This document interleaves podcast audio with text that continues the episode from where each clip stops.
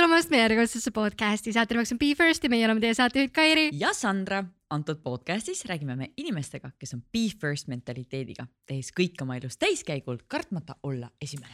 ja podcastis me püüame siis aru saada, kuidas nende inimeste kogemusi ja harjumusi oma elus rakendada paremate tulemuste saavutamiseks. ja täna on meil saates külas eriti kibeda käega naine, ta on veterinaarist diskgolfar. ja Latitude tiimi profisportlane, kes nüüd vallutab USA. Ja tervet maailma. ja tervet maailma, nii on. pange käed kokku, tehke kõvasti lärmi, tere tulemast saatesse, Keiti Tätte. Sportland, Be First podcast. ahah, ahah aitäh, aitäh. tead, mulle tundub, et see on strateegia, et me peame nii kaua karjuma, kuni külaline tuleb kaasa, sest tavaliselt nad on niimoodi, ei oska midagi teha. Nad said väga äge, et sa tulid kaasa. ja tere tulemast, aitäh, et sa meile külla tulid. aitäh, et kutsusite kohe näha, et inimene tegeleb õuespordiga, nii ilus jume on ja. ta enne ütles mulle, et ta on ühe korra seda päevitanud kuidas, palun? ma tean, see on mingi tüüp inimesi ja ma olen Aha. väga kade nende peale. selge no,. Siis... sellega on vedanud ja kui te tahate seda näha, siis äh, kõik, kes meid kuulavad praegu Spotify'sse, tulge heaga Youtube'i ja minge vaadake seal mm. -hmm. It's worth it. minge vaadake mu jume üle Patrik, vaatad siis ilus jume on ikka ilus, just videopildis on ju väga hea nii, kuulge noored, aga meie alustame oma podcast'i alati ühtemoodi, ehk mm -hmm. siis me teeme esimeste mängu. kas sa tead, mis see endast kujutab? Jaa, olen kuulnud. oo, no super, siis ei olegi muud äh, sissejuhatust vaja, kui et me alustame lauset, sina lõpetad ja räägime sinu esimestest. esimene võistlus. see oli Elva lahtised meistrivõistlused diskgolfis. kuidas sa sinna sattusid? ma arvan, et äh, ma käisin seda rada harjutamas ja siis internetis tuli välja, et seal on võistlused ja siis ma mõtlesin, et võiks osa võtta, samamoodi mu elukaaslane võttis osa ja sellel võistlusel ma saavutasin oma esimese poodiumikoha. ma olin väga uhke, kolm võistlejat oli ja mina olin kolmas ja ma olin nii uhke selle üle, ma olin tõesti väga õnnelik. oota, kolm võistlejat kokku või oli, kui see oli naiste meeste? naiste klassis Aha, ja eraldi okay, oli naiste klass okay., naiste klassis oli kolm võistlejat ja mina olin kolmas. aga kui pikalt sa mänginud olid selleks esimeseks võistluseks juba? ma arvan, et see oli natukene alla aasta hmm.. Mm -hmm. aga see on nagu selline klassikaline praktika, et enne ei minda või see lihtsalt oot-, ma ei tea, ootasid aasta? see oleneb inimesest, ma arvan, et diskgolfis on tegelikult sellised võistlused ka olemas nagu nädalamängud. et see on selline algtaseme võistlus, kus sul, kus tulevadki harrastajad kokku, seal on väike osalustasu, seal ei jagata medaleid, seal jagatakse lihtsalt kettaid autasuks. et see on nagu selline esimene asi, kust alustada ja seal saab selle julguse kätte, sest tegelikult kõik, kes esimest korda lähevad võistlema, neil on nii suur hirm, eriti just naistel, sest naised viskavad natukene vähem, kui nad on alustajad, siis nad kardavad, et äkki mehed ei viitsi nende järgi oodata või igasuguseid hirme on inimestel. ja kindlasti oli minul ka esimestel kordadel väga suured hirmud sees. aga mida rohkem võistled, seda rohkem lähevad need üle kas sul oli mingeid taktikaid ka, mida sa rakendasid, et ikkagi käsi ei väriseks liialt seal esimestel võistlustel? Vot ma väga palju ei mäleta sellest, ma arvan, et see oli nüüdseks viis pool aastat tagasi, kuus aastat tagasi. et ma seda närvi osa hetkel väga hästi ei mäletagi. ma arvan, et mul ei olnud taktikaid, et sellega toime tulla, lihtsalt mängid läbi ja saad tehtud päris äge, sest et äh, mulle tundub, et päris paljusid noh, hoiabki tagasi mm., hoiavad tagasi needsamad põhjused, mida sa ise välja tõid ka, et ja võib-olla isegi ei kannaks seda naistele, ma arvan, meestel on samamoodi, nad lihtsalt ei tunnista jaa, täpselt sest et noh, see on ikka no see, et no kuidas ma ei tea vi, viie viskega seal mõni teine paneb äh, kahega või ma ei tea, seitsmega mõne, mõnel panevad läbi, et no ühesõnaga väga lahe. no ma arvan, et Eesti spordil on, äh, Eesti sport peab olema tänulik, et, et sa sinna Elva, Elva võistluse kunagi, kunagi läksid. väga äge. aga võtame järgmise küsimuse. sinu esimene armastus? minu, ma arvan, esimene ja ainuke armastus on minu praegune elukaaslane Marger Krumm et meil sai just kaksteist juuni kümme aastat koos oldud. palju õnne. ja aitäh wow. et me gümnaasiumis leidsime üksteist, hakkasime suhtlema, käima ja sellest ajast saati oleme koos. Nonii, mis on see eduvalem, palun nii jagame nüüd siin publikumile. eduvalem või? ma arvan, see, et ma olen endale kõrvale lihtsalt nii suurepärase inimese leidnud, et äh, ma ei saaks teda kuidagi lahti lasta. No aga vahepeal ikka on ju mingid siuksed hetki mõtled nagu mm, oi Mm. ikka on, ikka on, aga sa oled, me oleme nii kaua koos olnud, me oleme harjunud, sellised hetked peavad suhtes olema, ma arvan, et see oleks igav, kui kogu aeg oleks kõik, kõik kõigega ühel meelel ja vaidlemisi ikka tuleb ette ja Mhm. see rikastab suhet, ma usun. aga kas teil on mingid taktikad ka vaidlemisel, et te teate, et nagu ei lähe liiga leili, siis läheb keegi ruumist välja või et ei läheks üle see asi üle käte? ja me teame, mingitel hetkedel lihtsalt üks annab järgi. ükskord üks, teinekord teine, ma usun, see, kes sellel hetkel targem on lihtsalt. kes on rohkem väsinud või, või, midagi muud. jah, oota, mul oli, issand jumal, ma tahtsin midagi küsida, mul läks see hüppas, hüppas praegu peast ära. no eks ta tuleb tagasi siis, kui on õige aeg. ei, see oli praegu oli just tegelikult väga õige aeg, aga noh, okei okay. Kas- ai, mul tuli meelde ja, ja, ja vaata, sa reisid nüüd hästi palju mm. -hmm. Kas, kas tema on kodus või tema reisib sinuga kaasa, et kuidas te selle olete lahendanud? sellega on huvitav, et hästi paljud äh, discgolfarid tulevad ka tema käest küsima, no miks sina USA-sse ei lähe ja et miks sa üksi lased minna, aga tal on oma täiskohaga töö, tal on väga vastutusrikas töö, tal on palju tööd, et tal lihtsalt ei ole võimalik käia niimoodi. minu jaoks on discgolf töö ja USA-s käimine töö. et me muidugi soovime, et ta üheks reisiks äkki kaheks nädalaks või niimoodi saaks selle aja, et kaasa tulla võib-olla sügise poole. Aga kui ma siin Eestis käin võistlemas, siis ta on nädalavahetuseti kaasas, Soomes tuleb äh, järgmine kuu suur võistlus, ta tuleb sinna nädalaks kaasa. et nii palju kui saab, nii palju ta toetab mind ja käib kaasas, aga jah, kahjuks töö Mhm. ei luba nii palju, kui võib-olla tahaks. Mm -hmm. aga kas raske ei ole sellistel hetkedel, et sa oled USA-s ära pikalt, onju, põhitugisüsteem on kuskil kaugel? see on kohati raske, sellepärast et äh, see kuus aastat, kui ma olen discgolfi mänginud, discgolf on alati olnud nii-öelda meie asi. Et me oleme seda alati koos teinud, me alustasime koos, me võistlesime koos, reisisime koos ja nüüd ma olen üks hetk üksi. et see on, see on midagi uut vaimselt, aga õnneks on internet olemas, saame helistada, suhelda, et äh, ikkagi saab nagu sidet hoida. oota, aga ma saan aru, et kaasa mängib ka ja, ja mm. -hmm. aga ta- tal ei ole vahepeal tekkinud sellist tunnet, et mm, pruut paneb nii hästi, et nagu veits nagu kade meil või? Ja ei tea, ma ei usu, ma arvan, et ta on minu üle õnnelik. kuigi teist, teistel inimestel on alati see teema, et kui mina mängin paremini kui mingi mees või temast vahepeal paremini, siis kohe tullakse, no said naiselt pähe, no tegelikult see ei ole nii. või nagu me ei Profi mõtle seda üldse nii ja meie ei võt- võta seda üldse nii, et nüüd said naiselt pähe, aga seda päris palju tullakse nii-öelda nina alla hõõruma vahest teiste mängijate poolt, et see on, see on nagu meeste teema alati, et see naiste käest pähe saamine, et see, Mhm. sellest ikka räägitakse vahest mm. -hmm. No ma ei tea, sellise naise käest oleks küll au pähe ma saada. mõtlen ka, et kui profisportlane mulle pähe teeb, mis seal Ahah. siis nagu häbeneda on? jah, Rasmus Mägiga ei hakka väga koos jo jooksma, nii et äh, pigem on jah auasi see, et ma saaks mm. -hmm. näiteks temaga olla ühel, ühel rajal koos, et äh, palju ja napilt kaotada. no,, vahet ei ole, kas suurelt väikselt, aga palju sa üldse Eestis võistled nii palju kui saan, mm? -hmm. et nüüd, kui ma siin äh, kuskil kuu aega olin praegu Eestis, siis iga nädalavahetus oli võistlus. et Eestis on ka oma suured võistlused, nii-öelda Eesti mõistes suured võistlused, Eesti Discgolfi Liidu korraldatud karikasarjad. eelmine nädalavahetus oli üks Eesti suurimaid võistluseid, Latitude festival, mis ei olnud küll nüüd võistluse mõttes nagu kõrge tasemega, et ta ei olnud tähtis, aga ta oli sihuke fun, ta oligi suve suurim festival discgolfis, kus oli kuskil nelisada osavõtjat, kõik tulid ja chill isid, et see oli kindlasti mu suve kõige selline chill im nädalavahetus. kus sai jah, lihtsalt mängida ja nautida ilusat ilma ja kõigi selle rahvaga koos olemist. väga lahe. täiega lahe. No tänasel hetkel on sinu põhitöö discgolf onju, aga räägime sinu esimesest päris töökohast. ma arvan, et esimeseks päris töökohaks loeks ma siis seda, kus ma esimesena olin päris ametlikult palgal.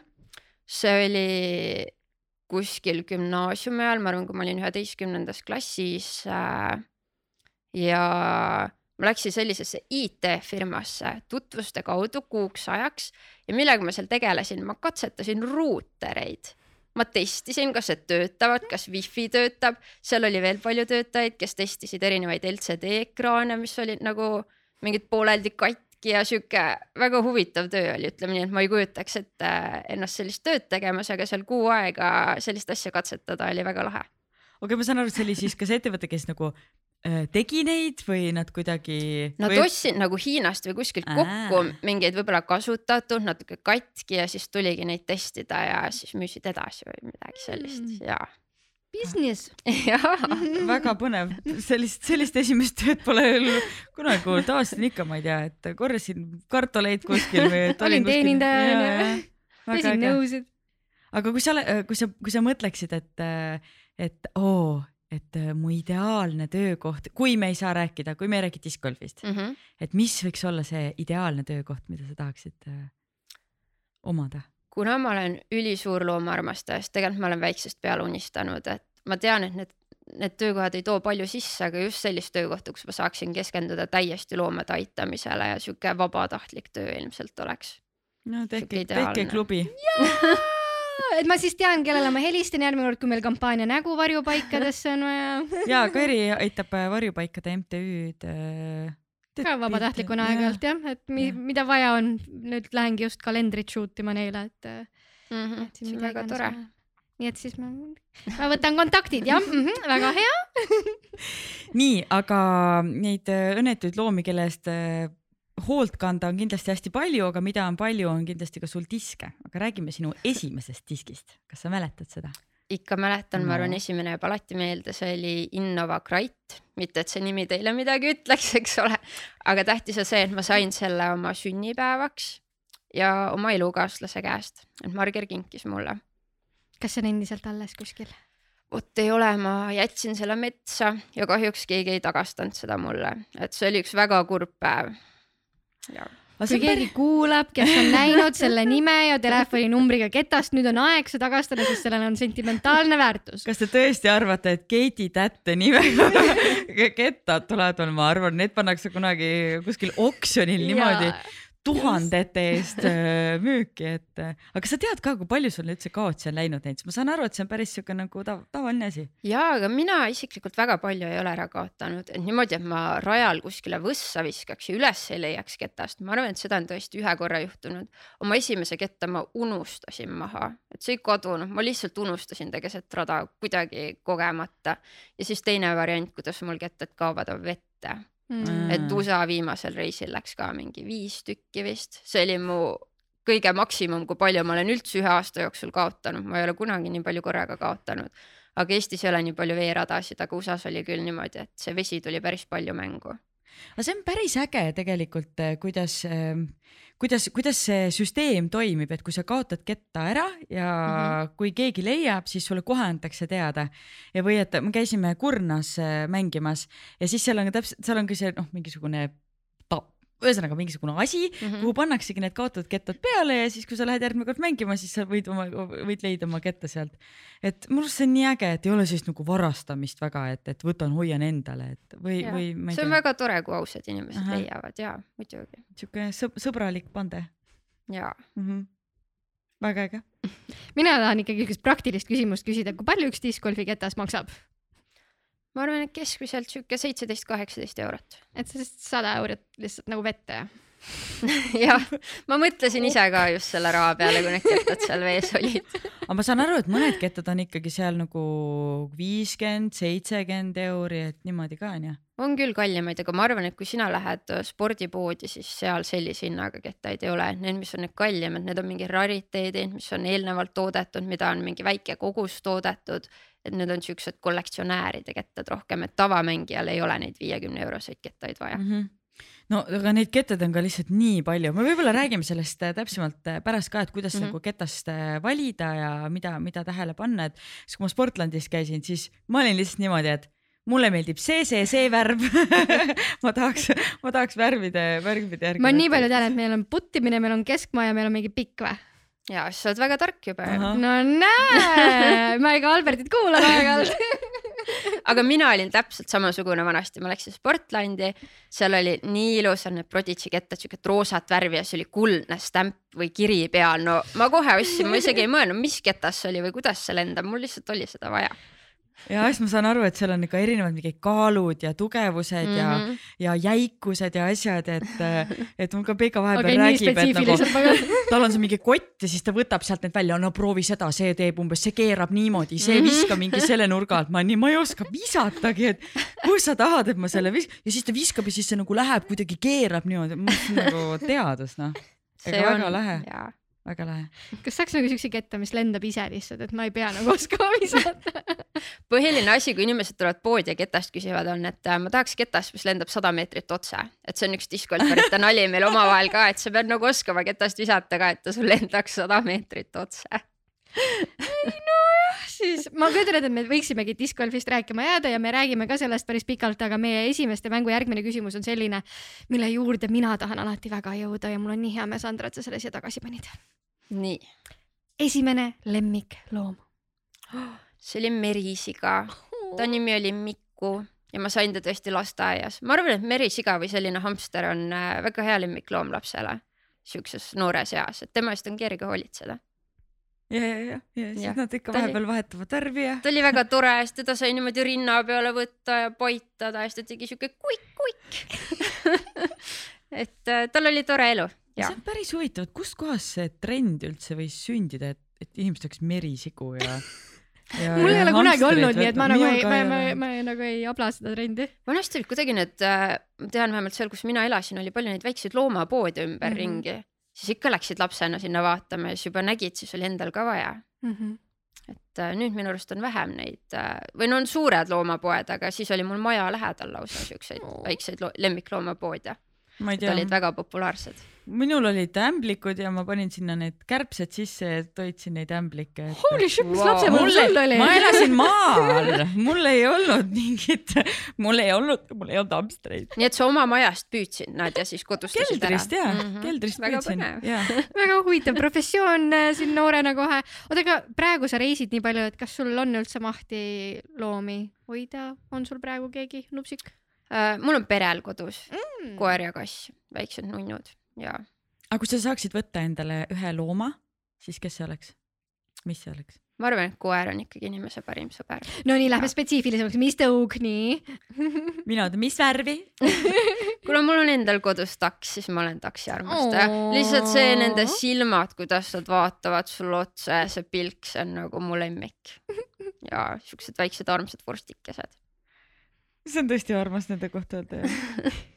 Aga me liigume meie esimeste mängu viimase küsimuse juurde mm. -hmm. nii, ja ma tahaks teada, et mis oli esimene kord, kui sa tundsid, et sa oled midagi suurt saavutanud?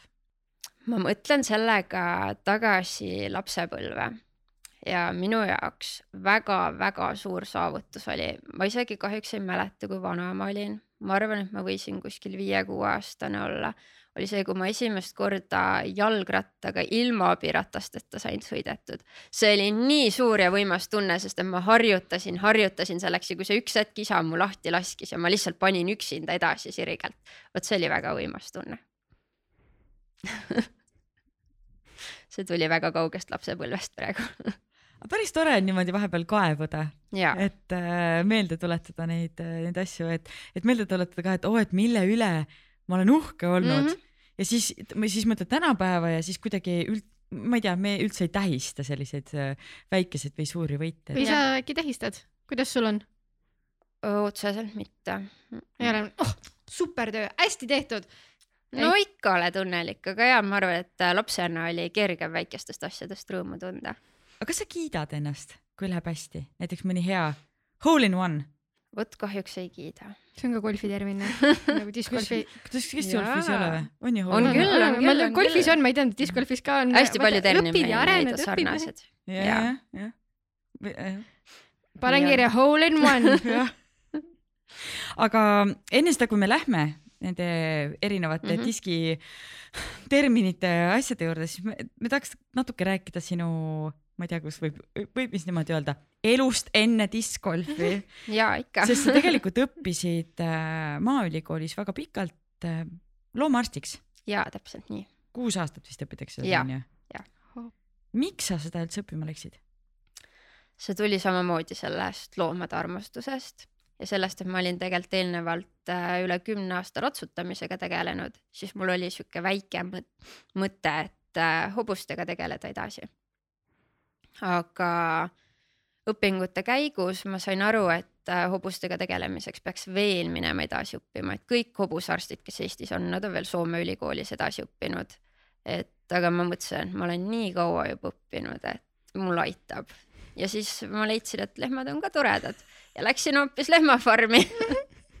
Oota, aga kuidas see siis käib, sa lähed, lähed kooli alguses on mingisugused üldained ja siis sa validki looma, kellega sa peale sa, sorry, ma ei tea lihtsalt mitte tegelikult on niimoodi, et äh, ma, ma õpin kõike viis aastat, viis aastat õpivad kõik koos ja alles viimasel aastal spetsialiseerumine siis kas väikeloomad või produktiivloomad, ehk siis mina spetsialiseerusin produktiivloomadele. Ja tegelikult üllatas see mind ennastki. et vahepeal ma mõtlesin juba, et väikeloomad, produktiivloomad, väikeloomad, et äh, see tuli mulle ka üllatusena, aga viiendal aastal siis äh, tegin praktikat meie maaülikooli suurloomaarstidega farmides ja mulle hakkas see nii meeldima, lihtsalt see töökeskkond oli nii palju lõbusam, kergem kui see, mis seal kliinikus tegelikult, väikeloomakliinikus toimub, et see oli just vaimsel, vaimse poole pealt ma valisin selle töö. oota, aga mis seal üldse toimub, mis see, milline see tööpäev seal välja nägi? farmis, jah, ma tegelikult töötasin kahes erinevas farmis, Koigi ja Ristiagro farmides, et ma alustasin päeva ühes farmis, siis tulid kohe need lüpsilehmad, lüps hakkas lõppema ja lüpsi lõ- lõpus tulid haiged lehmad peale kellel oli siis udarapõletik või mingi muu haigus. ehk siis iga, iga hommik ma pidin kontrollima neid haigeid lehmi, kuidas nende ravi on sujunud, kas on vaja uusi lehmi ravile panna, kas on vaja ravi muuta, et oli sihuke haigete lehmade kontroll. Ja siis oli siuksed rutiinsed asjad, kui on veel keegi haigeks jäänud, tuleb grupis ringi käia. väikeste vasikate eest tuleb iga päev hoolt kanda, tuleb neid kontrollida, kuidas neil tervis on, nad on nagu väiksed lapsed, nad olid mul väga-väga lemmikud, see vasikates käimine oli mul nagu iga kord päeva selline lemmiktegevus.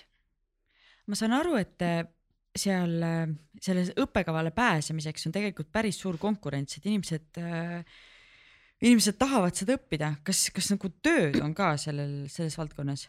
ja on, eriti just suurloomaarstidele kindlasti on väga palju tööd, sellepärast et enamus läheb väikelooma õppima. suurloomaarstiks lähevad vähem inimesi, et farmid pigem otsivad tööd, aga minu puhul mul oli kahju sellest, et mul kodu lähedal ei pakutud tööd, et mina sõitsin iga päev seitsekümmend minutit tööle ja õhtul tagasi. Et ma käisin siis Tartust tulles Imaverest veel edasi natukene tööle. et päris pikk sõit oli see on päris suur motivatsioon, et äh, hakata professionaalseks discgolfariks, et inspireerib küll jah. kuidagi, kui ma igapäevaselt seda teed sõitsin, siis see ei tundunud nii hull, sest see, sest see sai rutiiniks. aga nüüd, kui ma vahepeal ükskord käisin seal külas suve jooksul, siis ma vaatasin küll, issand, kui pikk tee, kuidas ma suutsin iga päev seda sõita. aga kui raske või kerge see töö on? See on suht rutiinne, ma ütleks, et alguses ma olin hästi-hästi põdesin, minu jaoks oli hästi palju uusi olukordi ja ma mõtlesin, kuidas ma hakkama saan, aga tegelikult äh, sain ilusti kõigega hakkama. mul oli inimesi, kellele toetuda, kellele helistada, kui mul mingi uus olukord oli, millega ma ei osanud hakkama saada ja lõpuks ma ütleks, et see oli kerge. jah, lõpuks sai see kergeks. aga sealt töölt ära tulemine ja discgolfi karjääriga alustamine, kas see oli lihtne või raske? See oli natukene vaimselt raske, sellepärast et äh, ma olin kõigiga seal, sa, sa suhtled nende inimestega igapäevaselt, nad saavad sul nagu natukene perekonnaks, sest et te olete nii ninapidi koos igapäevaselt ja kõik äh, inimesed äh, mõlemas farmis olid väga toredad. et mul oli kõigiga väga hea klapp, et sellepärast oli natukene kahju juba neile seda öelda, et ma nüüd lähen ära, et nemad olid ka kindlasti kurvad. aga nad ootavad mind alati külla ja ma olen juba külas ka käinud neil aga sisemiselt äh, s- noh, sa tundsid, et see on midagi, mida sa, et see on õige otsus? ja sisemiselt ma olin väga rõõmus ja ma ei kahelnud selles otsuses kordagi, et äh, mulle see pakkumine ja otsus tegelikult tulid äh, väga ootamatult. aga ainuke asi, mida, millele ma mõtlesin, oli see, et arutleda see oma elukaaslasega läbi ja rohkem mul ei olnud mitte mingeid mõtteid ei öelda. Aga täna, kui sa tagasi mõtled, kas sa oled ikka rahul selle otsusega? väga rahul. vot kui kiire oli, see oli väga kiire vastus ja. ja see on, see on mu unistuste töö praegu samamoodi. oota, aga sa ütlesid, et see tuli sulle üllatusena, kuidas see üldse sinuni jõudis? no ütleme nii, et meil on Eestis tegelikult praegu kolm elukutselist, kol-, no põhimõtteliselt kolm sellist, kes on päriselt palgal ja elukutselised diskgolfarid selle Latitude kuuekümne nelja tiimis, kus minagi olen. ja minu mõte oli see, et neil on juba Kristin, Kristin Tatar siis, kes on maailma parim, üks maailma parimaid diskgolfareid, eks ole, neil on tiimis see naine juba olemas, et miks sa peaksid Eestist veel ühte naist endale tiimi tahtma? Ja samamoodi Kristi selleks, et tema selle lepingu sai, ta käis USA-s võistlemas, ta näitas ennast. mina käisin Euroopa meistrivõistlustel Tšehhis, jäin seal neljandaks, siis ma sain Eesti meistrivõistlustel esimese koha. Ja siis koos oma selle nii-öelda Eesti-poolse esindajaga, kes mul Eesti poolt aitas äh, neid asju ajada Silveriga, temaga me rääkisime sellest, äh, siis tuli Latitude'i poolt huvi ja ütleme nii, et see tuli nende poolt nagu sellise eksperimendina. et neil ei ole, neil ei saa olla minu kohta suuri ootuseid, sest nad ei tea, kuidas mul USA-s läheb, ma ei ole seal kunagi käinud, mul ei ole kogemusi. et mina olen nende jaoks nagu eksperiment, et anname sellele tüdrukule võimaluse ja vaatame, mis saab. Ja mina lähen lihtsalt all in ja annan endast parima. et niimoodi see tuligi. ja, ja kuidas see läheb siis praegu? no ma arvan, et läheb hästi, et ma ei ole veel väga suuri tegusid teinud USA-s nii-öelda aga ütleme nii, et seal on konkurents ikka väga palju suurem. Eestis, kui mul on kehv nädalavahetus ja ma ei võistle enda tasemel, ma tavaliselt lõpetan ikka poodiumil. aga seal, kui sul on kehv nädalavahetus, siis sa oled seal allpool poolt. Et seal on ju teistmoodi asjad ja tase on palju kõvem, aga ma tean ja ma tunnen, et ma olen võimeline seal top kümnes mängima aga kust see nii-öelda kehv nädalavahetus tuleb või millest see tuleb ja kuidas sa oled mõelnud, et sellest mööda pääseda? Mul on tunne, et lihtsalt praegu hooaja alguses äh, ja üleüldse USA-s, et see kõik on nii uus minu jaoks, et võib-olla mul on pea lihtsalt liiga laiali otsas ja liiga palju mõtteid peas, et äh, rohkem keskendumist ja rohkem nii-öelda kohalolekut täpselt selles mängus sees ja mul on tunne, et praegu vähemalt viimastel võistlustel Eestis olles ma olen rahul olnud oma mänguga mul on tunne, et nüüd hakkab tulema vaikselt mm. -hmm. Ma tulen korra tagasi selle mm -hmm. tiimi juurde mm. -hmm hetkel on Eestist seal kaks naist, eks ole, sina, Kristin ja Albert on ju ka selles tiimis, eks ole? ja, ja Kristini elukaaslane Silver. selge.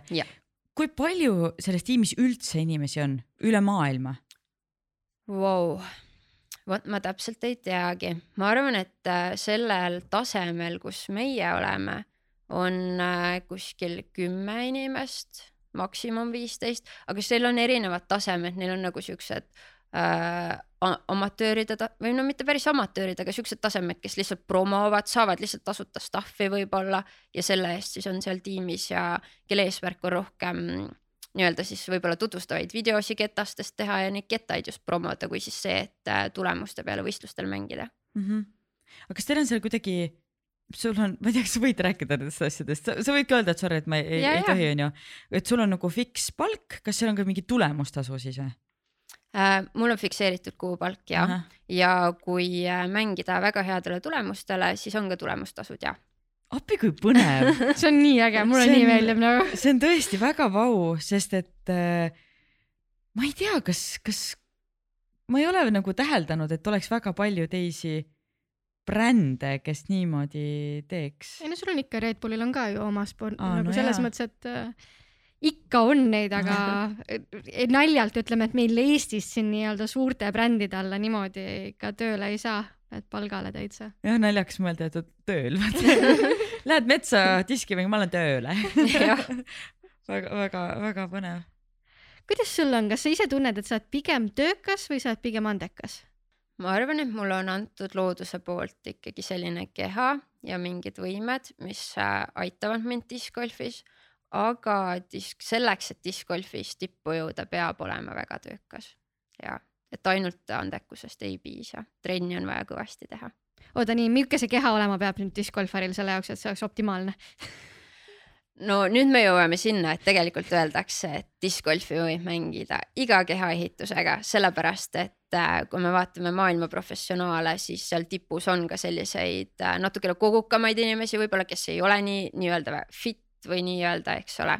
aga ma tunnen, et mu keha on lihtsalt, äh, ma ütleks sihuke pikk, sihvakas, liikuv ja mina usun, et see annab mulle juurde. kas mingi käte ja jalgade pikkus, et see on ka oluline? Mina arvan, et äh, pikemad käed annavad juurde ja no. sest et see tõmme viis... siit tuleb ju pikem ja ma usun, et see see on annab juurde. nii naljakas, ma vaatasin just mingit Kossu filmi, siis nad mõõtsid seal nagu käte ulatust ja mingi peopesa suurust, ma nagu mis asja. et teil siukseid mõõtmisi ei ole enne mängu jah et sul on nagu sportlase statistika, käte ulatus meeter kaheksakümmend.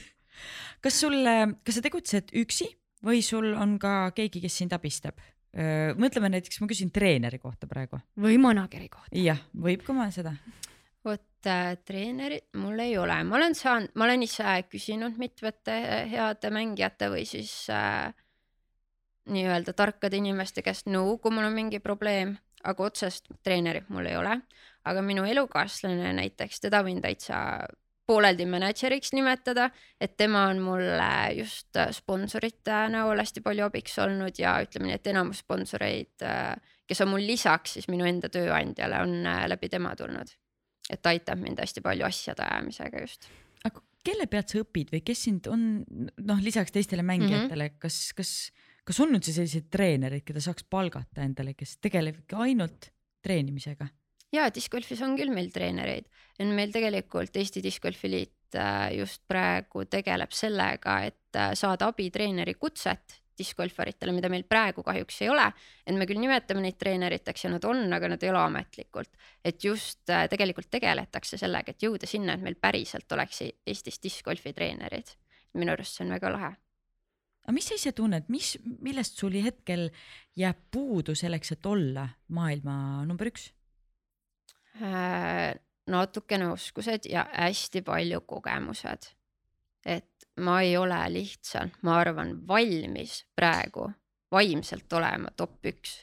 see, kui ma oleksin seal kuskil maailmameistrivõistlustel, mul oleks näiteks esimesed ringid väga head olnud ja ma oleks finaalringis esimesel positsioonil, ma lihtsalt põleksin vaimselt läbi, sest et ma ei ole seda varem kogenud. ma, ma lihtsalt arvan ja, et ma ei ole selleks lihtsalt vaimselt valmis, et kogemusi on rohkem vaja aga mis need füüsilised asjad on, mida sa peaksid äh, arendama? kindlasti drive'i pikkust saab arendada, et ma tean hetkel ka, nii, tõlgime, drive'i pikkus. vabandust, viskepikkus Vis- ehk siis selle maksimum viskepikkust, seda saaks alati pikemaks treenida. palju sul on praegu? kui ma väga pingutan, siis ta on sada kümme meetrit. kui ma tahan täpselt visata ja teada, mis mu ketas teeb, siis kuskil sada meetrit. aga seda saaks alati pikemaks ja ma tean ka praegu, mis on minu vead, aga seal nende vigadega tuleb tegeleda nii-öelda off-season'il ehk siis sügis-talvehooajal. et keset äh, nii-öelda võistlushooaega midagi tehniliselt muutma hakata on väga-väga keeruline. Aga kust sa tead, mida sa muutma pead ja mida sa tegema? Pead, kust sul see know-how tuleb, kui sul treenerit ei ole? sest et ma olen hästi palju ise videosi vaadanud, Youtube on väga hea koht, kus on nagu kõik välja toodud, et ta, ma jälgin reaalselt filmin ennast, siis ma panen selle video aegluupi, siis ma näen äh, kõik vead ära, et äh, kõige suurem viga on mul ajastusega. lihtsalt see väike nõks ajastuses võib muuta distantsi väga palju, et äh, just see, et su keha, käsi, puusad, jalad, kõik teeks õigeaegselt koostööd okei okay,, see on, see on ulme tegelikult, see tundub jube lihtne ma. lihtsalt lähen metsa, viskan ketast. See ei käi nii või? okei okay.. et tegelikult on väga-väga palju väikseid detaile, mida jälgida nüüd ma saan aru, miks ma korvi ei saa. kas see on kor-, on jah, jah korv jah? ja ja, ja mis asi see olema peaks siis? ei, ma juba hakkasin protestima siin, et, et kas sul on, mis sul kõige parem vise on, eestkäsi, tagantkäsi ma olen äh, tugev tagantkäeviskas mm? -hmm. ja kuidas sa selle endal tugevaks said? Ma arvan, et see on lihtsalt Spill see, millega ma alustasin ja millele ma keskendusin, mis tundus minu kehale esialgu loomulikum ja mul on tunne, et tegelikult kui võrrelda neid kahte viset omavahel, siis tagantkäeviskest on just kehast ja sellest, et sa taha pöörad, siit sa saad nii palju rohkem jõudu ja eestkäega sa viskad, siis äh, peab olema see käejõud suurem. et äh, jah, Mhm. tagakäes on rohkem kogu keha kasutamine ja sellepärast ma arvangi, et sellega on nagu kergem mul distantsi saada. mm. -hmm. Kui kaua sa päriselt harjutasid ja trenni tegid selleks, et, et, et, et sa ühel hetkel ütlesid, et aa, okei okay,, nüüd on päris hea. hea küsimus. tegelikult, kui me alustasime ja kooli ajal, siis kui ma veel tööl ei käinud, me käisime iga päev mängimas. Me lihtsalt käisime iga päev mängimas, midagi väga erakordset pidi juhtuma, kui me ei läinud, võib-olla mingi täiesti suur padukas või kellegi sugulase sünnipäev, et täna ei ole aega minna, aga muidu tõesti iga päev peale kooli oli see, et nüüd on rajale minek. Ja me mõlemad ise tahtsime ja siis olid sõbrad, kes tahtsid ja lihtsalt alati käisime, nii et ma arvan, et lihtsalt see konstantne läbimängimine. Kas sõbrad on ka nüüd mingi, jah, mina olengi tema eduvalem, sellepärast et ma tahtsin mängimas käia metsas. ma ei usu seda. No võtke ikka natuke kreditit ka siin. aga mis, kui sa mõtled tagasi, siis mis olid kõige suuremad vead, mida sa tegid äh, seda sporti alustades, mida sa võib-olla praegu äkki väldiksid? vot ma ei oskagi midagi sellist välja tuua praegu, aga ma tooks veel treeneri kohalt siis võib-olla selle asja välja, et tegelikult, kui ma olin aasta aega mänginud, siis pöördus minu poole üks äh, diskgolfar. Kristo oli tema nimi ja Krist-, Kristo oli Tartust pärit ja ta ütles mulle, et äh, mulle tundub, et sul on hea käekiirus ja et sust äh, võiks nagu head asja saada, et kas sa tahad, teeme koos mõned trennid. ja see lõppes siis sellega, et me täitsa aasta aega koos tegime temaga trenni. tema juhendas mind, mina tema juhendamisel ja tõesti tuli distantsi juurde ja ta aitas väga palju mm. -hmm. et ma arvan, et ma sain ikkagi suht al nii-öelda alguses juba midagi teoreetiliselt mm -hmm. nagu mingeid näpunäiteid kätte, mis mm -hmm. aitasid mind no, sa ütlesid, et, et elukaaslane ei tohi õpetama tulla, onju, siis Mhm. kui discgolfi mängima minnakse, et anname siis äkki siin kohe kolm siukest baasõpetuse asja, mida nad siis nüüd saavad podcast'is tarbida ja siis minna rajal rakendama. algaja läheb rajale, kolm asja, mida ta peaks mõtlema selle jaoks, et päriselt äh, heaks saada. vot seda on niimoodi väga-väga keeruline öelda, põhiline asi, mida mina alustajale ütlen, on see, et lihtsalt have fun ja see on peamine, et sa ei läheks seal vetsa vahel närvi, kui sul see ketas ei lenda sinna, kuhu sa tahad, sellepärast et sa ei peagi kohe oskama, see tuleb ajaga. võimatu, jaa, võimatu. no kui see ikka kümnendat korda lendab sul juba metsa, siis on küll nii, et. võta seda kui jalutuskäiku, sa saad samme koguda. ja ma harjutan. ja et see peaks olema sihuke lõbus äh, aja viitmise viis sõpradega alustajale kindlasti. nii, lähen, mul on fun, kas ma pigem peaksin alguses minema niimoodi, ma panen täie auruga nagu nii tugevalt, kui torust tuleb või pigem rahulikult? kusjuures sellega on niimoodi, et äh, ma ütlen rahulikult ja ma kohe põhjendan selle ära ka, et äh, kui ma räägin endast, siis vahest, kui ma lähen niimoodi, et ma mõtlen, et ma nüüd panen no väga kõva viske, lähen rapsin seal ja siis teine hetk, kui ma mõtlen, ma tahan võib-olla rohkem täpne olla, ma lähen rahulikumalt, siis see rahulikumalt vise lendab isegi kaugemale, sellepärast et ma võtsin nii-öelda aja maha. mul nii-öelda ajastus läks paremini paika ja tehnika oli puhtam, kui ma ei läinud sinna rapsima. nii et rahulikult. rahulikult. ja mida ma nüüd siis sihin nagu, et kas ma peaksin lähenema niimoodi, et ma tahan kohe saada sinna korvi või Jaa. ma peaksingi mõtlema nagu samm-sammult, et okei okay,, esimese viske ma teen sinna, siis ma teen sinna ja siis ma saan korvi. ja korv on siis ikkagi lõpuks. ahah, et ma ikkagi mõtlen. samm-sammult jah? ja, ei Ja- no mis asja, ei lähegi kohe Hoonimani no väga lahe läks. no mina tavaliselt mõtlen nagu lihtsalt viska nii, nii sinna korvi lähedale, kui saab, vaata. Need niimoodi hole jah? hole in one'id tulevad siis, kui sa ei mõtle sellele. Mm. Need tulevad nagu voh, nüüd juhtus, mitte et see, et sa mõtlesid, et ma nüüd lähen korvi viskama, et see on tavaliselt sihuke üllatusmoment ikkagi, kui sa ei ole sellega arvestanud, aga mida sa enne, juhtub. mida sa enne viset mõtled? ma võtan mingi kindla sihtpunkti, et kui ma seisan seal tiialal ehk siis sellel viskealustusalal, siis ma alati võtan kasvõi metsa vahel või kui me oleme avatud platsil, ma üritan leida kuskil kaugustes mingi puu või põõsa, et alati midagi sihtida. et niimoodi niisama lampi ei lähe kuskile tõmbama. okei okay,, mul on nipid olemas, nüüd äh, pajata kõige olulisem.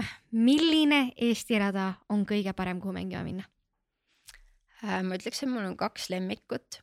avatud rada on Elvas siis äh, Sportlab Prodigy Elva diskgolfipark, aga sinna alustajal ei soovita kohe minna. see on väga tore rada, see on väga hästi hooldatud rada, väga huvitav rada, aga seal on väga pikad visked.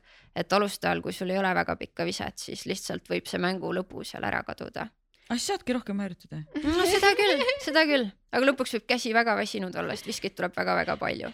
ja teine on siis äh, Jõulumäe, mis on Pärnumaal. Jõulumäel on äh, metsa vahel mitu erinevat rada, et seda ma soovitan ka alustajatele, et seal on kolme erineva raskusastmega rada, et seal on ka täiesti alustajate rada, mis on nagu väga tore metsa vahel mängida. nii, kus seal topis asetseb Kõrvemaa? vot Kõrvemaa oleks see kolmas koht Kolmas, siis vah, ja. Kõrvemaa on ka, et Jõulumäe, Kõrvemaa on need kaks mu lemmikmetsarada. aga Kõrvemaale ma lihtsalt kahjuks ei olegi nüüd vähemalt aasta aega sattunud no meil siin Tallinnast, vaata see lähemal. ja, aga siin, seal tuleb see aasta üks väga suur äh, võistlus, Estonian Open, et sinna on mul plaanis minna ja seal saab väga tore olema. mina tahaks minna, ma lähen varsti Lõuna-Eestisse koju mm. Mhm. ma tahaks, kas Võru lähedal on ka mõni hea rada? ja täitsa Võrus sees on Võru Rada. linnas sees või? ja see Kubi ja discgolfi park on selle nimi. jaa, ta võib-olla on korraks linnast välja sõita, ta on Ja, ja. haigla kõrval ja, ja, täpselt. ja mul on tunne, et sa okei. hakkad siin konkurentsi pakkuma see selline tore metsarada. konkurentsi kindlasti mõte. et Ma- lähed lihvid siin skill'e, võtad triatlonist aja maha ja võib-olla nagu ketaste kaotamises ma võin sulle konkurentsi pakkuda, seal ma võin isegi võita. mitu läinud on? ei, hetkel ei ole veel ühtegi, sellepärast et, äh, et ma pole väga mänginud. aga kusjuures tegelikult on see, et alustajad kaotavad palju rohkem kettaid, kuigi nende viskepikkus on lühem, mis minu jaoks oleks loogiline, et kui sa viskad lühema maaga, maaga selle ketta, et sa leiad kergemini ülesse, aga alustajatel on tihtipeale sihuke komme, et läheb mets ära, siis sa pöörad juba pilgu ära poole viske pealt. aga tegelikult nagu mina jätan täpselt mingi puu järgi meelde, et nii täpselt selle puu taha sinna niimoodi selle sambliku taha läks. Et hästi täpselt tuleb vahest detailide järgi meelde jätta. see on omaette skill, ma olen ikka mingi kolmkümmend minutit rahulikult seal metsa vahel kõndinud nagu ringiratas selle ketta ümber lihtsalt. nagu jumala eest ei märka. väga hea. ja siis vahest aitab see, et lähed tagasi sinna eelmisesse viskekohta ja siis visualiseerid seda viset, et kus ta lendas ja siis lähed uuesti otsima. Smart. Ma tahaks natuke ikkagi uurida selle mm, sinu eh, tippsportlase elu kohta, Mm -hmm. et see Latitude'i tiim, Mm -hmm. mida see sinu jaoks päriselt tähendab, üks asi on see, et sa oled, et sa saad sealt palka, aga mis, mida nad sulle veel pakuvad sportlasena? Nemad pakuvadki mulle palka ja varustust ja mina omalt poolt vastu, siis tegelikult meil on diil, et tähtis ongi see, et ma käiksin ennast USA-s näitamas ja USA-s võistlemas, et kahjuks see Eesti ja Euroopa praegu veel discgolfi mõistes ei ole nii arenenud see discgolf siin, et äh, sponsoritele on tähtis, et käia Ameerikas. Ja mul on täiesti välja toodud isegi kindel võistluste arv, kui palju ma pean seal hooaja jooksul USA-s kaasa tegema, Mm -hmm. Ja aga kas nad kompenseerivad kuidagi su reisid või sa pead selle kõik ise maksma? selle peab kõik ise maksma ja nemad maksavad lihtsalt palka ja siis ise, noh, ise klapitad, et kuhu hotelli ja, ja., Jaa. ja ja. kas hommikusöögi jätad vahele või sööd nuudleid või? okei, no üks tingimus on see, et sa pead võistlustel osalema, aga kas ja kui oluline nende jaoks on see, et sa oleksid sotsiaalmeedias äh, aktiivne? meil ei ole otseselt mingeid punkte minu arust äh, kirja pandud, aga nende jaoks on see tähtis ja ma tean, mul ei pea seda lepingus olema, ma saan ise aru tegelikult, mida ma tegema pean, et äh, mida sa tegema pead? aeg-ajalt mingid uute ketaste tutvustused, kui tulevad välja, sest äh, tiimimängijad on just need, kes saavad neid kettaid siis laiemalt ka maailmale tutvustada, kuidas nad lendavad täpselt, soovitada, kellele, kuidas, siis äh, treeningutest postitused, võistlustest, võistlustulemustest, et tegelikult peaks peale igat võistlust tegema ka postituse, vahet pole, kas ma võidan või ei võida, läheb halvasti et äh, iga kord äh, peaks selle tagasiside andma just nendest võistlustest. aga see on siis, kas see on lepingus kirjas või, või see on lihtsalt see midagi, mida sa ise tunned, et sa tahad teha? Äh, ma arvan, et äh, lepingus on see tähtis, et kui sa poodiumile tuled, et sa siis kindlasti teeksid postituse, aga see on nagu sihuke kirjutamata asi, et tegelikult peaks äh, kogu aeg tegema ja andma tagasisidet, sest sul on fännid, kõik ootavad, kõik tahavad teada, isegi kui läheb halvasti, kõik tahavad ju ikka teada, mis juhtus, et sellest võiks ka kirjutada ja, kas sa naudid selle tegemist? ja mul võtab alati postituste tegemine ülikaua aega, see on nagu, see võiks tunduda lihtne, võta see Instagram lahti, pane paar, paar nagu lauset kirja, aga ma mõtlen ja mõtlen, kuidas seda sõnastada, kuidas täpsemalt öelda, see võtab mega kaua aega. kas see perfektsionism on ainult selle postituse tegemise juures või see on midagi, mis sind kannab üldiselt ka elus? oi, ma arvan, see on minuga seotud ja, ja aga kui strateegiliselt sa lähened üldse oma sotsmeediale, kas sa pigem vaatad, kuidas läheb või sul on mingi kuuplaan ja mingid eesmärgid? No mul võiks USA-s ma üritan jälgida seda, et mul oleks sihuke eesmärk, et äh, nädalas kuskil kolm postitust. et võiks olla üks postitus enne võistlusi, kus annad teada, et nüüd see nädalavahetus ma võistlen nendel, nendel võistlustel. näiteks see kellaaeg äh, on D-aeg, nii-öelda võistlusele mineku aeg siis ja näiteks, et siit saab võistlustulemusi jälgida, mingit linki jagada siis äh, võiks olla üks postitus, mida ma väga ei ole jõudnud teha sellest nii-öelda elust seal USA-s, vabast ajast mm. -hmm. ja siis äh, see võistluste järgne postitus. et see võiks olla minu ja iganädalane plaan just äh, välismaal olles no ikka väga hästi läbi mõeldud, ma kujutan ette, et sponsoritele see meeldib väga, et sa mainisid, et sul elukaaslane on sulle peamiselt sponsorid saanud, et mm -hmm. mis need niisugused nipid või trikid on, kuidas üldse saada sportlasena endale sponsoreid, oskad sa midagi välja tuua? Alati ei ole see, et mina nagu ainult küsin ja nõuan kõike, et äh, tuleb ka enda poolt midagi vastu pakkuda, näidata, et sa oled huvitatud, et mina olen enda kõikidele sponsoritele, kes mul see aasta on olnud, olen välja pakkunud suvel näiteks firmale koolitust teha. Mm. või teha üks, äh, kui ei saa suvepäevadel nagu aega sättida kokku, siis teha üks tore õhtu, lähme kõik koos diski mängima, ma räägin mingid põhitõed ära ja saame nagu koos ühe toreda õhtu veeta, aga mul on ka väga palju sponsoreid, kes on äh, nii-öelda lihtsalt heast tahtest. et ma, ma ei saa, mul ei ole lihtsalt mingitele firmadele midagi vastu väga pakkuda, aga nad on lihtsalt toredad ja toetavad sporti.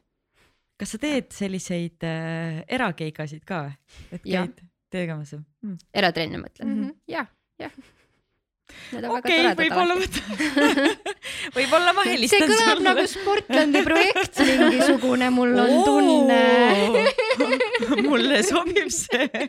ei, päriselt ka. kusjuures Akadeemia grupis, mis asja muidugi. Teil on vaja harjutusi ja siis te teete ja siis väljakutse ja just, just, just, just. oi, aga mina teeksin seda väga hea meelega, see on nii, nii äge. kaua sa meil Eestis oled ja, me saame sellest pärast rääkida ja mõelda, eks ole. Davai, super. aga eh, me natuke rääkisime juba radadest, eh, radadest Eestis, mis mm -hmm. on mhm. sinu lemmikud. sa oled suvel ikkagi päris palju Äh, ka välismaal mm -hmm. ja just USA-s, et sa käid võistlemas ja treenimas seal. kui sa võrdled Eestit ja Ameerikat, siis mis on need, mis, mis on need vahed, mis on näiteks USA plussid ja mis on, mis on Eesti plussid? vot USA-s on niimoodi radadega, et põhimõtteliselt peaaegu kunagi ei ole niimoodi, et naised ja mehed mängivad sama rada. Eestis on alati nii, aga USA-s on tehtud siis äh, meestele rajad pikemaks ja naistele rajad lühemaks et äh, natukene on äh, selles mõttes kergem, et kergem on nii-öelda neid inglise keeles birdie'si ehk siis neid äh, Te ei tea, mis birdie on ei tea nope., sa saad kohe meile seda selgitada. ehk siis barr on see raja, rajakurvi väärtus, millega siis eeldatavasti võiks mängija selle raja lõpetada. näiteks kolm viset, kolme viskega võiks saada korvi ja kui ma saan selle kahe viskega korvi, siis see on nagu väga hästi, siis läheb juba skoori sellele äh, ruudukesele läheb ka nagu rohelisena kirja, et see on nagu hea saavutus. et ma ütleks, et neid äh,, neid viskeid on USA-s tihtipeale kergem saada. Et Eestis on osad rajad ikka väga-väga pikad, kus naised äh, saavadki ainult neid nii-öelda parre ehk siis tavalisi korvi väärtuseid aga mitte seda natukene paremat skoori. kas see natuke parem skoor on siis see birdie või? jaa, täpselt okay,. Okay, okay, okay. kui sa teed ühe võrra väiksema viskega, kui see parri väärtus on ja. aga kui ma teen ühe, okei okay,, siis on hullum okay,. jaa okay, okay,, jaa täpselt. aga Eestis treenides on ikkagi võimalus ennast, äh, ennast maailma tasemele treenida. Nagu ja muidugi, et meil on nagu väga-väga head rajad Eestis, aga kui rääkida Eestis treenimisest, siis kahjuks on väga-väga suur miinus see, et meie sügis-talvehooaeg on nii külm ja lumine. et äh, teised seal USA-s saavad terve oma nii-öelda off-season'i aja loopida kettaid, teha trenni, kõike, aga mina ei lähe miinus kümne, kahekümnega välja platsile lume sisse kettaid loopima. esiteks see lõhub juba sõrmed ära, kui sa külmunud sõrmedega lähed kettaid viskama. jah, ma saan rajal käia ja rajal käimine ongi niimoodi, ma teen ühe viske ära, panen käpiku tagasi kätte, siis kõnnin oma ketta juurde ja siis alles viskan uuesti, et sellist asja on võimalik teha. aga sellist asja ma lähen platsile reaalselt viskan, viskan, viskan järjest, seda ei saa kahjuks teha. et äh, terve talvehooaja mina keskendusin jõusaalis käimisele ja sisesaalis siis äh, selle puti ehk kor lähedalt korvi viskamise tegemisele. aga soojamaalaagrid? jah, ma arvan, et äh, tervel hooajal, tervel hooajal läheb nii palju raha, et äh, võiks mingi aeg kodus ka olla ja seda natuke koguda väga mõistlik. või siis lihtsalt sponsoreid juurde vaja, et noh, et kui keegi otsib sinna jah, why not? Mul on üks küsimus veel sellest mm, -hmm. sellest valdkonnast, et kui sa mõtled, et kogu oma karjääri peale ja, ja ma mõtlen seda just äh, discgolfi äh, kontekstis, siis mis on kõige parem soovitus, mis sulle kunagi antud on? ma arvan, et kõige parem soovitus oligi Silver Leetva poolt, kes ütles mulle, et nüüd on see võimalus ja mine all in'i. jah, ja see, sellepärast ma olengi praegu siin, et kindlasti mul oli, tema on nagu olnud see inimene, kes on mind äh, peaaegu algusest peale toetanud discgolfis. ta oli siis eelnevalt minu sponsor nii-öelda Eesti mõistes lihtsalt Ketaste näol ja tema oli siis see, kes aitas mul seda lõplikku otsust äh, kätte saada juba ja ellu viia. see on ikka hästi oluline, et, et on ümber sellised inimesed, kes, kes nagu push ivad, push ivad ja tema on selline inimene, et kui mul on millegiga küsimusi, probleeme, ma saan alati kirjutada ja sealt tulevad alati väga targad vastu, vastused. ta on mingi legend, ta on ikka jaa, väga legend, Eesti oota, miks ta meil ei ole siin käinud, ma ei saa aru. Sander, pane ja kirja., ja Silver, I m coming for you. tal on kindlasti väga palju rääkida, nii et Davai, davai, davai. No tõmbame siis siinkohal kinda disc golfile võib-olla kriipsu alla, et pärast räägime siis Silveriga, aga sa mainisid enne seda, et äh, teinekord ongi see mäng hästi vaimne. et äh, kui on halb nädalavahetus, siis lihtsalt ei viska. mm. -hmm. kuidas sa treenid oma vaimset äh, tugevust? ja kas üldse? vot eelnevalt ma ei ole sellele väga palju keskendunud. aga nüüd äh, ütleme nii, et sellel hooajal on tulnud probleeme sellega, kui ma olen, ma ei ole olnud sellistes olukordades, et mul oleks just äh, nii palju pingeid peal. aga nüüd on olnud olukordi, kus mul on väga pingelised olukorrad ja ma ei ole nendega hakkama saanud. ehk siis tegelikult äh, pärast ühte Soome võistlust ma läksin täitsa ühe inimesega rääkima, kes tegeleb mental coaching uga siis ja ta on ise ka discgolfar, et oli nagu sihuke natukene ära, ma teadsin teda, mul oli temaga mugav rääkida ja ma loodan, et ma sain talt abi. ja jah, ma tegelen sellega. -hmm. kas sa mäletad, mis sul juhtus, kui, kui, kui tekkis see plokk või et, et, et kas see, mis, mis see olukord see oli? ma usun, sest ma usun, et sellest on palju, paljudel inimestel abi, et kui nad seda kuulevad, et ma olin Soome võistlustel siin paar nädalat tagasi, suur Soome Pro Tour oli ja mul oli finaalring ja ma isegi ei mõelnud väga pingeliselt, ma olin tol hetkel teist positsiooni jagamas kuskil seal, esimene oli juba väga eest läinud, aga teist positsiooni jagamas siis hetkel valitseva Euroopa meistriga. ja juhtus niimoodi, et äh, minu seltskonnas üks tüdruk hakkas puhtalt korvist mööda nii-öelda viskama lähedalt. ja minul on ka seda varem juhtunud ja minu aju mõtles kohe appi, äkki mul juhtub ka nii, ma ei tohiks selliseid asju mõelda, aga see lihtsalt tekkis mõte. ja siis ma läksin keset ringi, ma olin enne seda ilusti korvi visanud iga nagu esimesed üheksa korvi ja siis viimased üheksa korvi ma lihtsalt ühe korra viskasin mööda ja sellest aitas selleks, et mu käsi ei saanud aru enam, mida ma teen. ma ei saanud viie meetri pealt korvile pihta. ma saan aru, juhtub, et viie pealt viskad mööda, aga siis juhtub see niimoodi, et sa viskad kettidesse, alarauda, ülarauda, aga ma reaalselt ei saanud korvile pihta enam. ja proovisin, proovisin, lõpuks lihtsalt viskasin korvi alla ja tõstsin sisse, siis ma nägin, et see ei vii mitte kuskile. ja see peaks olema nii masinlik liigutus tegelikult, et see on nii kehas sees ja tol hetkel ma ei saanudki aru, mis juhtus. kas sa pärast äh, selle coach'iga rääkimist äh, said aru, mis juhtus? põhimõtteliselt küll ja. kas sa tahad sellest rääkida?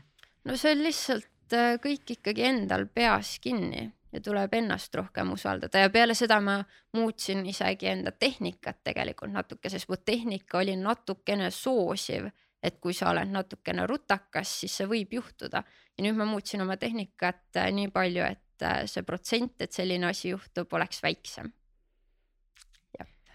Aga kas sa ei ole mõelnud, et võikski nagu järjepidevalt äh, coach'iga koostööd teha, sest ma saan aru ikkagi, et maailma tipud, neil on alati mingid mental coach'id ka, sellepärast et see on ikkagi nii väikesed vahed on nagu seal tipupoodiumil, et iga slight advantage on nagu kasuks. kas sa ei ole mõelnud, et võtta mingi püsiv koostöö kellegagi niimoodi? jaa, kindlasti, et meil oligi üks seanss nüüd ja me rääkisime, et äh, me võime tulevikus ka seda jätkata, et Mhm. natukene laseme nii-öelda aega seedida, et ta tegelikult ei keskendunud ainult mitte ühele sellele probleemile, vaid üleüldse kõigele USA-s olekule, et me rääkisime kõik asjad läbi ja ta andis mulle nagu nõu edaspidiseks mm. -hmm. nüüd tuleb seda nõu kasutada ja siis me saame uuesti omavahel kokku saada. Jaa. nii äge, et sa teed siukseid asju, minu arust kõik nagu tipp, kõik, kes tahavad maailmas olla tipud, peaksid seda rakendama nagu. ja, ja mul on tunne, et mul oligi seda ühte tõuget vaja, et ma tema juurde läheksin mm. -hmm. muidu ma olin kogu aeg peas mõelnud, et peaks, peaks, peaks, aga kuidagi ei teinud seda ära kunagi. aga lisaks sellele mental coach'ile, kas on mingeid asju, mis sind nagu igapäevaselt nii-öelda tasakaalus hoiavad, mida sa teed, noh, mõned inimesed mediteerivad, mõned inimesed loevad, mõned käivad lihtsalt looduses, kas sul on mingeid siukseid pidepunkte, mis hoiavad tasakaalu? Vot mina midagi sellist erilist ei tee, ei ole jah. lihtsalt kui ma tunnen, et mul on rasked, rasked hetked, siis ma lähen oma koera või kassi juurde, võtan ta sülle ja ta lihtsalt on seal minuga. ma arvan, et minu jaoks on need rahustavad ja maandavad asjad ongi minu lemmikloomad. no see on ka omamoodi medi- mm, -hmm, meditatsioon. on. Mhm. Kass on nagu kass, kui ta nurrub sul Aa, üles, just. see on väga rahustav, see on väga rahustav. aga mäletad sa ka mõnda sellist hetke, kus sa, kus sa tõesti tundsid, et sa olid nii närvis ja ma ei tea, või see võib olla ka mõni muu, muu olukord, see ei pea olema nagu diskgolfist mm. -hmm. et sa olid närvis, aga sa, sa tulid sellest välja mingisugust, ma ei tea, mõtet mõeldes või mingit tehnikat kasutades. Äh, ma arvan, et putt ja ma tooks ikkagi näite diskgolfist ja just puttides on mul varem aidanud see, et ma peas mõtlen enne puttima minemist ja korrutan endale, et ma olen hea puttija, puttija ehk siis see korvi viskamine, eks ole mm. -hmm. et äh, ma kordan seda endale peas mitu korda, sest ma tegelikult tean, et ma olen hea, ma tegelikult olengi väga hea puttija ja vahest tuleb seda lihtsalt endale meelde tuletada. kas sul on ka mõni lemmik fail? Mõni nagu selline nagu ma ei tea, sihuke vise, mida sa tol hetkel mõtlesid, et nagu oh my god, kuidas ma sain midagi sellist teha ja siis tagasi vaadates mõtled, et okei okay,, see, see võib-olla isegi tõukas mind mingisuguse arenguni. ma arvan, et see ongi see minu putt, kui ma selle fail'i panen, see, ma ei saa seda kuidagi lemmikuks pidada, sellepärast et see sellel hetkel, see on nii frustreeriv tegelikult. aga kui sa seda kõrvalt vaataksid, kuidas kolme meetri pealt inimene, korv on, korv oled sina, eks ole, kolme meetri pealt inimene teeb niimoodi. aa, mina iga päev, okei okay. jah. et professionaalse sportlase jaoks see ei ole nagu väga tavapärane, nii juhtub, aga jah, nii juhtus vahest. jah, eks see pinge võib päris, päris suur olla, see, et, et ikkagi jah, see, et sa lähed profikarjääri, et see on sinu töö, et sa, sa teedki seda sellena, aga samas see on ikka täiega lahe. oota, kas mõni fun vise on olnud niimoodi, et no ma ei tea, ketas lendab kuhugile linnupuuri või ma ei tea, mis saab nendega juhtuda. vot äh, puu otsa on jäänud Puu otsa jäävad kinni, ja puu otsa jäävad kinni, siis äh, kui mul on elukaaslane ka, sest tema alati ronib ülesse, ta päästab mu kettad igalt poolt ära, kui on vaja ujuma minna, ta läheb vette, et ta on alati. aga sa ise ei ole ujunud järgi oma ketastele? Vot USA-s käisin ükskord, et seal mul kahjuks teda ei olnud kaasas, mul ei olnud muud varianti, väga tähtis ketas lendas tiiki. ma läksin tiiki järgi, no ma olin kuskile siiamaani vees, Mhm. eks ole, alla, alla puusa, aga kui ma pärast sealt välja tulin, siis mulle öeldi, mis usse seal võib sees olla. Siis ma olin küll natukene hirmunud, et ma seal käisin, aga õnneks ma ei puutunud kellegagi kokku, aga jaa, Eestis ei ole nii palju neid usse, aga USA-s on ikka päris palju. see on Oota, see mis- ignorance is bliss. aga mis tähendab tähtis ketas, kas sul ei ole nagu kõikidest ketastest mingid duublid või trippelid või midagi olemas igaks juhuks? ketastega on niimoodi, et äh, kui nendega natuke aega mängida, siis nad oma algupärasest lennust natukene muutuvad, ehk siis seda nimetatakse sissemängimiseks. Ja mul on mingid kettad, mis on mul kotis olnudki kolm-neli aastat ja need on nii-öelda sisse mängitud, nad on oma kindla, kindla lennujoonega, aga kui ma poest võtan samasuguse uue ketta, siis ta ei lenda alguses samamoodi mm.. nii et mingid kettad on ja väga tähtsad. see on- see on nagu mingi megateadus. mulle tundub, et see strateegiliselt peaks olema nii, et sa mängid nagu mingi kolme kettaga paralleelselt, et nad on kõik sisse Jaa. mängitud.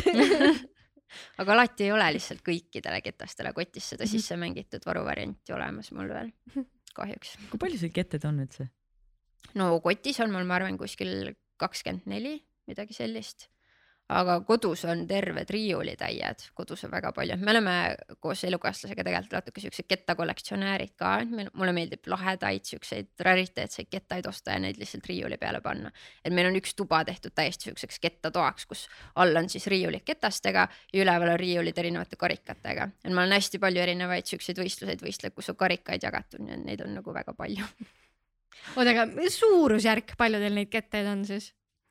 Äh, no ma arvan kuskil neljasaja kanti. oota, palju see raha oli, oota nii kalkuleerib ümber. selleks on tõesti eraldi tuba vaja.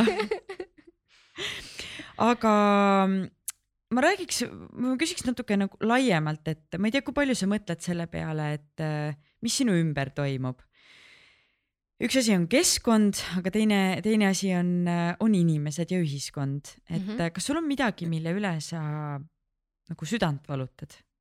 kui ühiskonnast rääkida, siis ma arvan, et äh, jaa, mul on, kui ma näen väikseid lapsi ja seda, kuidas nad on äh,, kuidas kõik see nutiajastu ja tehnika ja kõik, kuidas sa lähed, et lähed kuskile külla või üritad lapsega rääkida, siis ta on lihtsalt terve aeg telefonis. et ma olen sihuke inimene, kes praegu räägib, et oi, kui mina lapse saan, siis ta ei saa enne esimest klassi telefoni, aga noh, kõik ütlevad, et nad on seda varem rääkinud, aga vot see on minu jaoks on see kurb asi, kui ma mõtlen enda lapsepõlve peale, kui tore meil oli ilma kõigi nende nutivahendite ja asjadeta ja siis vaata praeguste laste lapsepõlve, et see lihtsalt nii-nii erinev.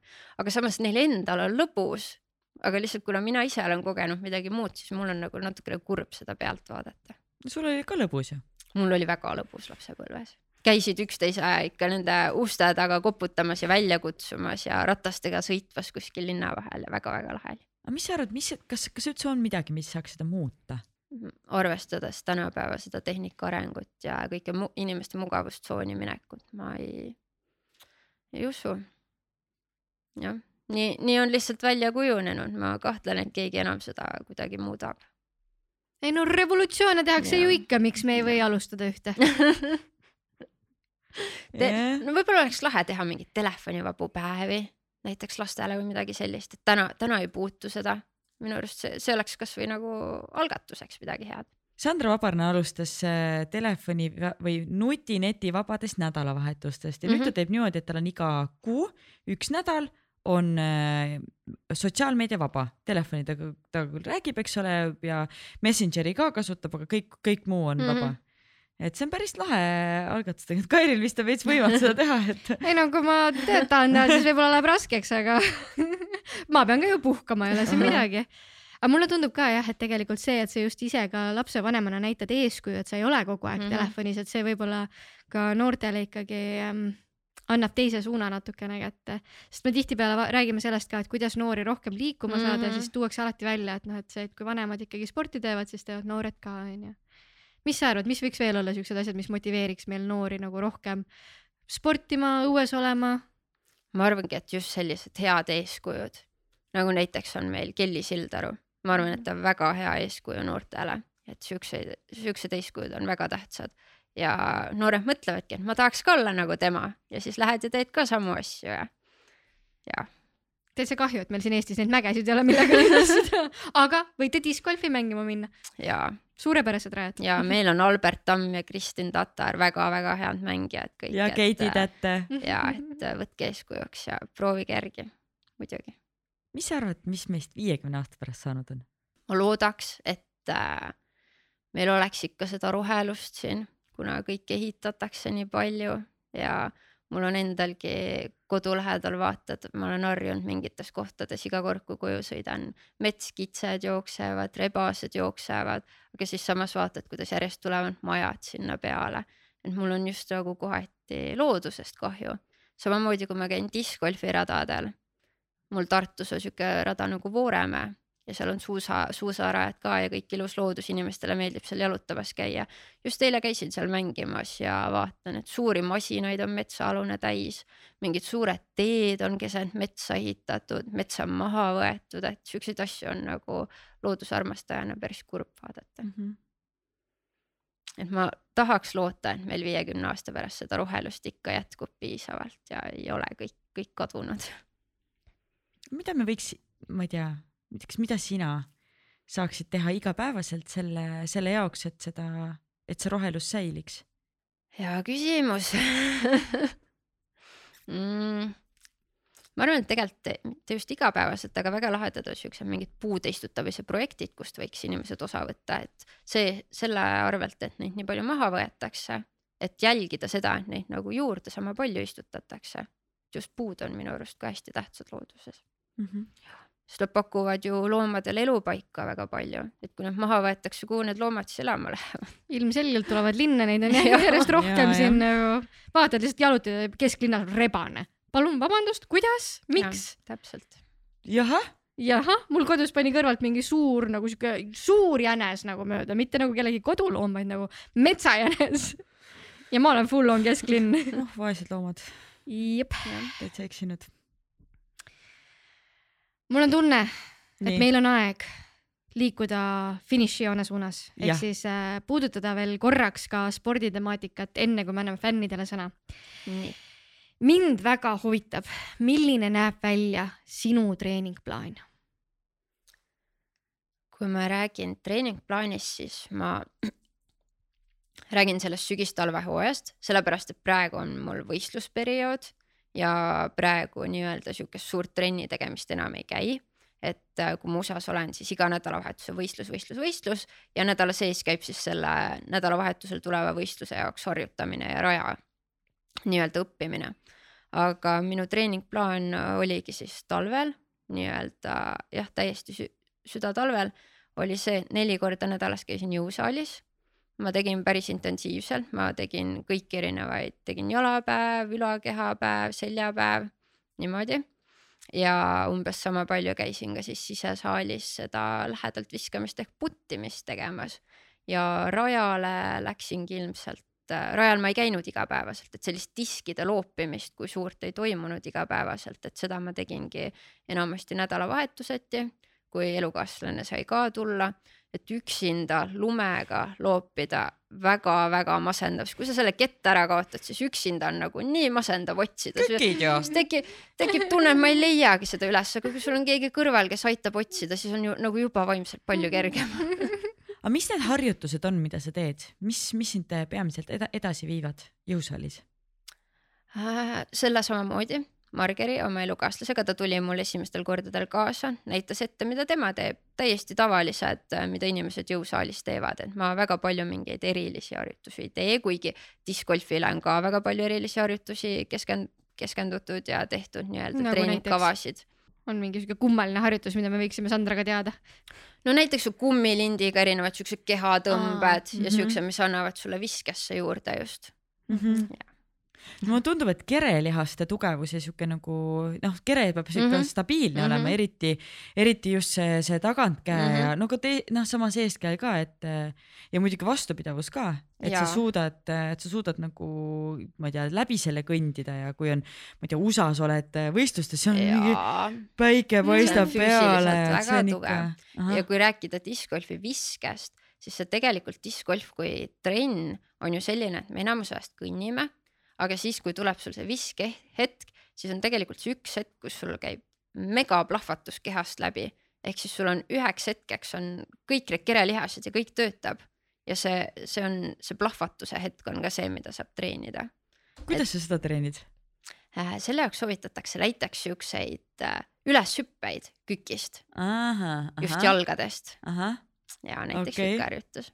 Aga kust selle kohta infot saaks, kas sa võiks teha ühe video näiteks, et äh, no praegu sa muidugi jõusaalis väga ei tee, aga still hooaja, siis kui oled hooajaväline aeg, siis äh, ma küll hea meelega vaataks, mida, mida sa teinud ja no ma, ma usun, et neid inimesi, kes tahaksid se- seda teada või noh, õppida sinu pealt, neid on kindlasti palju. ja ma võin selle video kindlasti teha, ma olen teinud videosi, ma olen teinud reisivideosi praegu, et ma olen natuke nagu Youtube'iga alustanud, et jah, seal USA-st just alustasin, et kuna vanemad ja sõbrad Eestis siis ootasid, et kuidas seal läheb ja mis seal eluolu toimub, et siis ma olen teinud natukene nende jaoks. Ma arvan, et see, see on vist suht populaarne ka USA discgolfarite seas minu arust ka teha Youtube'i kanaleid, et ma olen ikka päris Jaa. mitme otsa sattunud. ja Mhm. aga naised väga palju ei tee. ei, ma olen ka ainult mehi näinud jah. Jaa. no vot No väga hea, mulle, mulle tuli endale ka nagu üllatuseks nüüd, kui ma just seal festivalil olin ja erinevaid inimesi nägin, et tulid äh, Eesti discgolfarid mulle ütlema, et vot kui tore, et sa neid videosid teed, et ma vaatan, mulle meeldib, et nii, niisama nagu netis mulle väga palju tagasisidet ei kirjutata, ma tean, et mu vanematele meeldib ja sõpradele meeldib, aga tõesti, et tulid inimesed juurde nagu väljaspoolt sõprusringkonda ka, kes ütlesid, et väga tore, et sa teed, et ma ikka vaatan alati, et seda oli nagu tore kuulda. ma tulen korra trenni juurde tagasi mm. -hmm. mida sa praegu profina teed teistmoodi oma treeningutes, kui sa tegid harrastajana? ma teen lihtsalt rohkem trenni, vot sellist jõusaali ma ei jõudnud küll, et töö, mu töö oli piisavalt füüsiline. ma olin ikkagi kaheksa-üheksa tundi jalge peal, et pärast seda ma ei jõudnud jõusaali minna. et äh, seda teen nüüd. ja kindlasti lihtsalt see, et rohkem ka platsitrenni, et kõige jaoks on lihtsalt rohkem aega, sest töö kõrv, täiskohaga töö kõrvalt äh, midagi teha on ikka trenni mõttes väga-väga keeruline. mm. -hmm. ulme. Kas me anname fännidele sõna? anname. nii, ma võtan siit kohe Marie küsimuse. millisele Eesti diskgolfarile ennustad järgmisena profilepingut kui me peaks kellegi välja tooma, siis see oleks naismängija Kaidi Alsalu mm,? hoidke silm peal. ja Kaidi tuleb meiega tegelikult nüüd äh, esmaspäeval USA-sse kolmeks nädalaks esimest korda elus, et ta väga ootab seda ja tal on piisavalt äh, head oskused ja tase, et ta sai ka sinna USA võistlustele peale ja ta tuleb ka ennast nüüd näitama kuidas sinna üldse peale saab, mis sa tegema pead selleks? mm.. sul peab olema, meil on nii-öelda reiting ehk siis mängija mingi skoor, et see peab olema piisavalt kõrge, et sa üldse saaksid sinna registreerida. kui see on liiga madal, siis see ei ole võimalik kahjuks. lihtsalt huvi pärast, mis need äh, osalustasud seal on suurel võistlusel kuskil kakssada viiskümmend eurot, mm? -hmm. Ja palju võistlejaid on? naiste klassis jääb kuskil neljakümne kanti, aga nüüd tulevad äh, sellel korral, kui me lähme, tulevad USA lahtised naiste meistrivõistlused, kus on vist sada naist nagu meie klassis, seal on veel erinevaid vanuseklasse, et seal vist tegelikult on isegi rohkem, aga just äh, minu selles professionaalses äh, klassis on sada naist. see on nagu, ma arvan, et see on ajalugu seal ka, et. aga samas nagu äge, et nii palju naisi mängivad nagu siuksel tasemel. ülikõva. jaa, ma vaatan, et siin jäi üks Sandra küsimus küsimata, mida mina väga tahan teada, nii et äh, kui saaksid elu lõpuni mängida kolme kettaga, siis mis need oleks? kui palju sulle nende ketta nimed küll muidugi midagi ütlevad. no ma arvan, et meil on siin kuulajaid, kes on discgolfi fanatid, kes Teevad äh, teavad kohe. kohe. ja nii, ma putin purega, see on putter siis lähedalt korvi viskamiseks, eks ole. Et see on minu jaoks väga tähtis ketas, see hõljub väga hästi. ma ütlen nii pere, et sellega on nagu kaugelt äh, sisse saamine palju kergem kui võib-olla mõne teise putteriga, sest ta on väga hea hõljuvusega. et see, sa Pure, pure kas, aga seal on, On ju märge. mingeid erinevaid ka ju mingeid mudeleid või ei ole, lihtsalt pure? Äh, plastikutüüp medium ahah, ehk siis keskmine plastik Mhm. eesti keeles öeldes ja, ja see on latitude'i ketas? ja ma oletan, et kõik on latitude'i Jaa. ketas. Igaks juhuks. nii, siis järgmine on keskmaa, mille nimi on Trust. see on ka minu jaoks nagu usaldus või nagu ja, ahah, ja trust. täpselt niimoodi trust ja ma oleks pidanud juba purele ka ütlema pure, kui ma lähen USA-sse, siis kõik naeravad, ma ütlen pure, pure, pure onju, ta ütleb pure, aga okay. Me oleme eestlasena harjunud Mm. niimoodi hääldama neid. Mhm. nii, see oleks keskväeketas, sest see on äh, kindla lennuga minu jaoks, ma viskan ta välja tagantkäega ja ma tean, et ta lõp lõpus vajub alati ära, ehk siis äh, vasakule, ta on nagu sihuke kindel minu jaoks ja usaldusväärne ketas.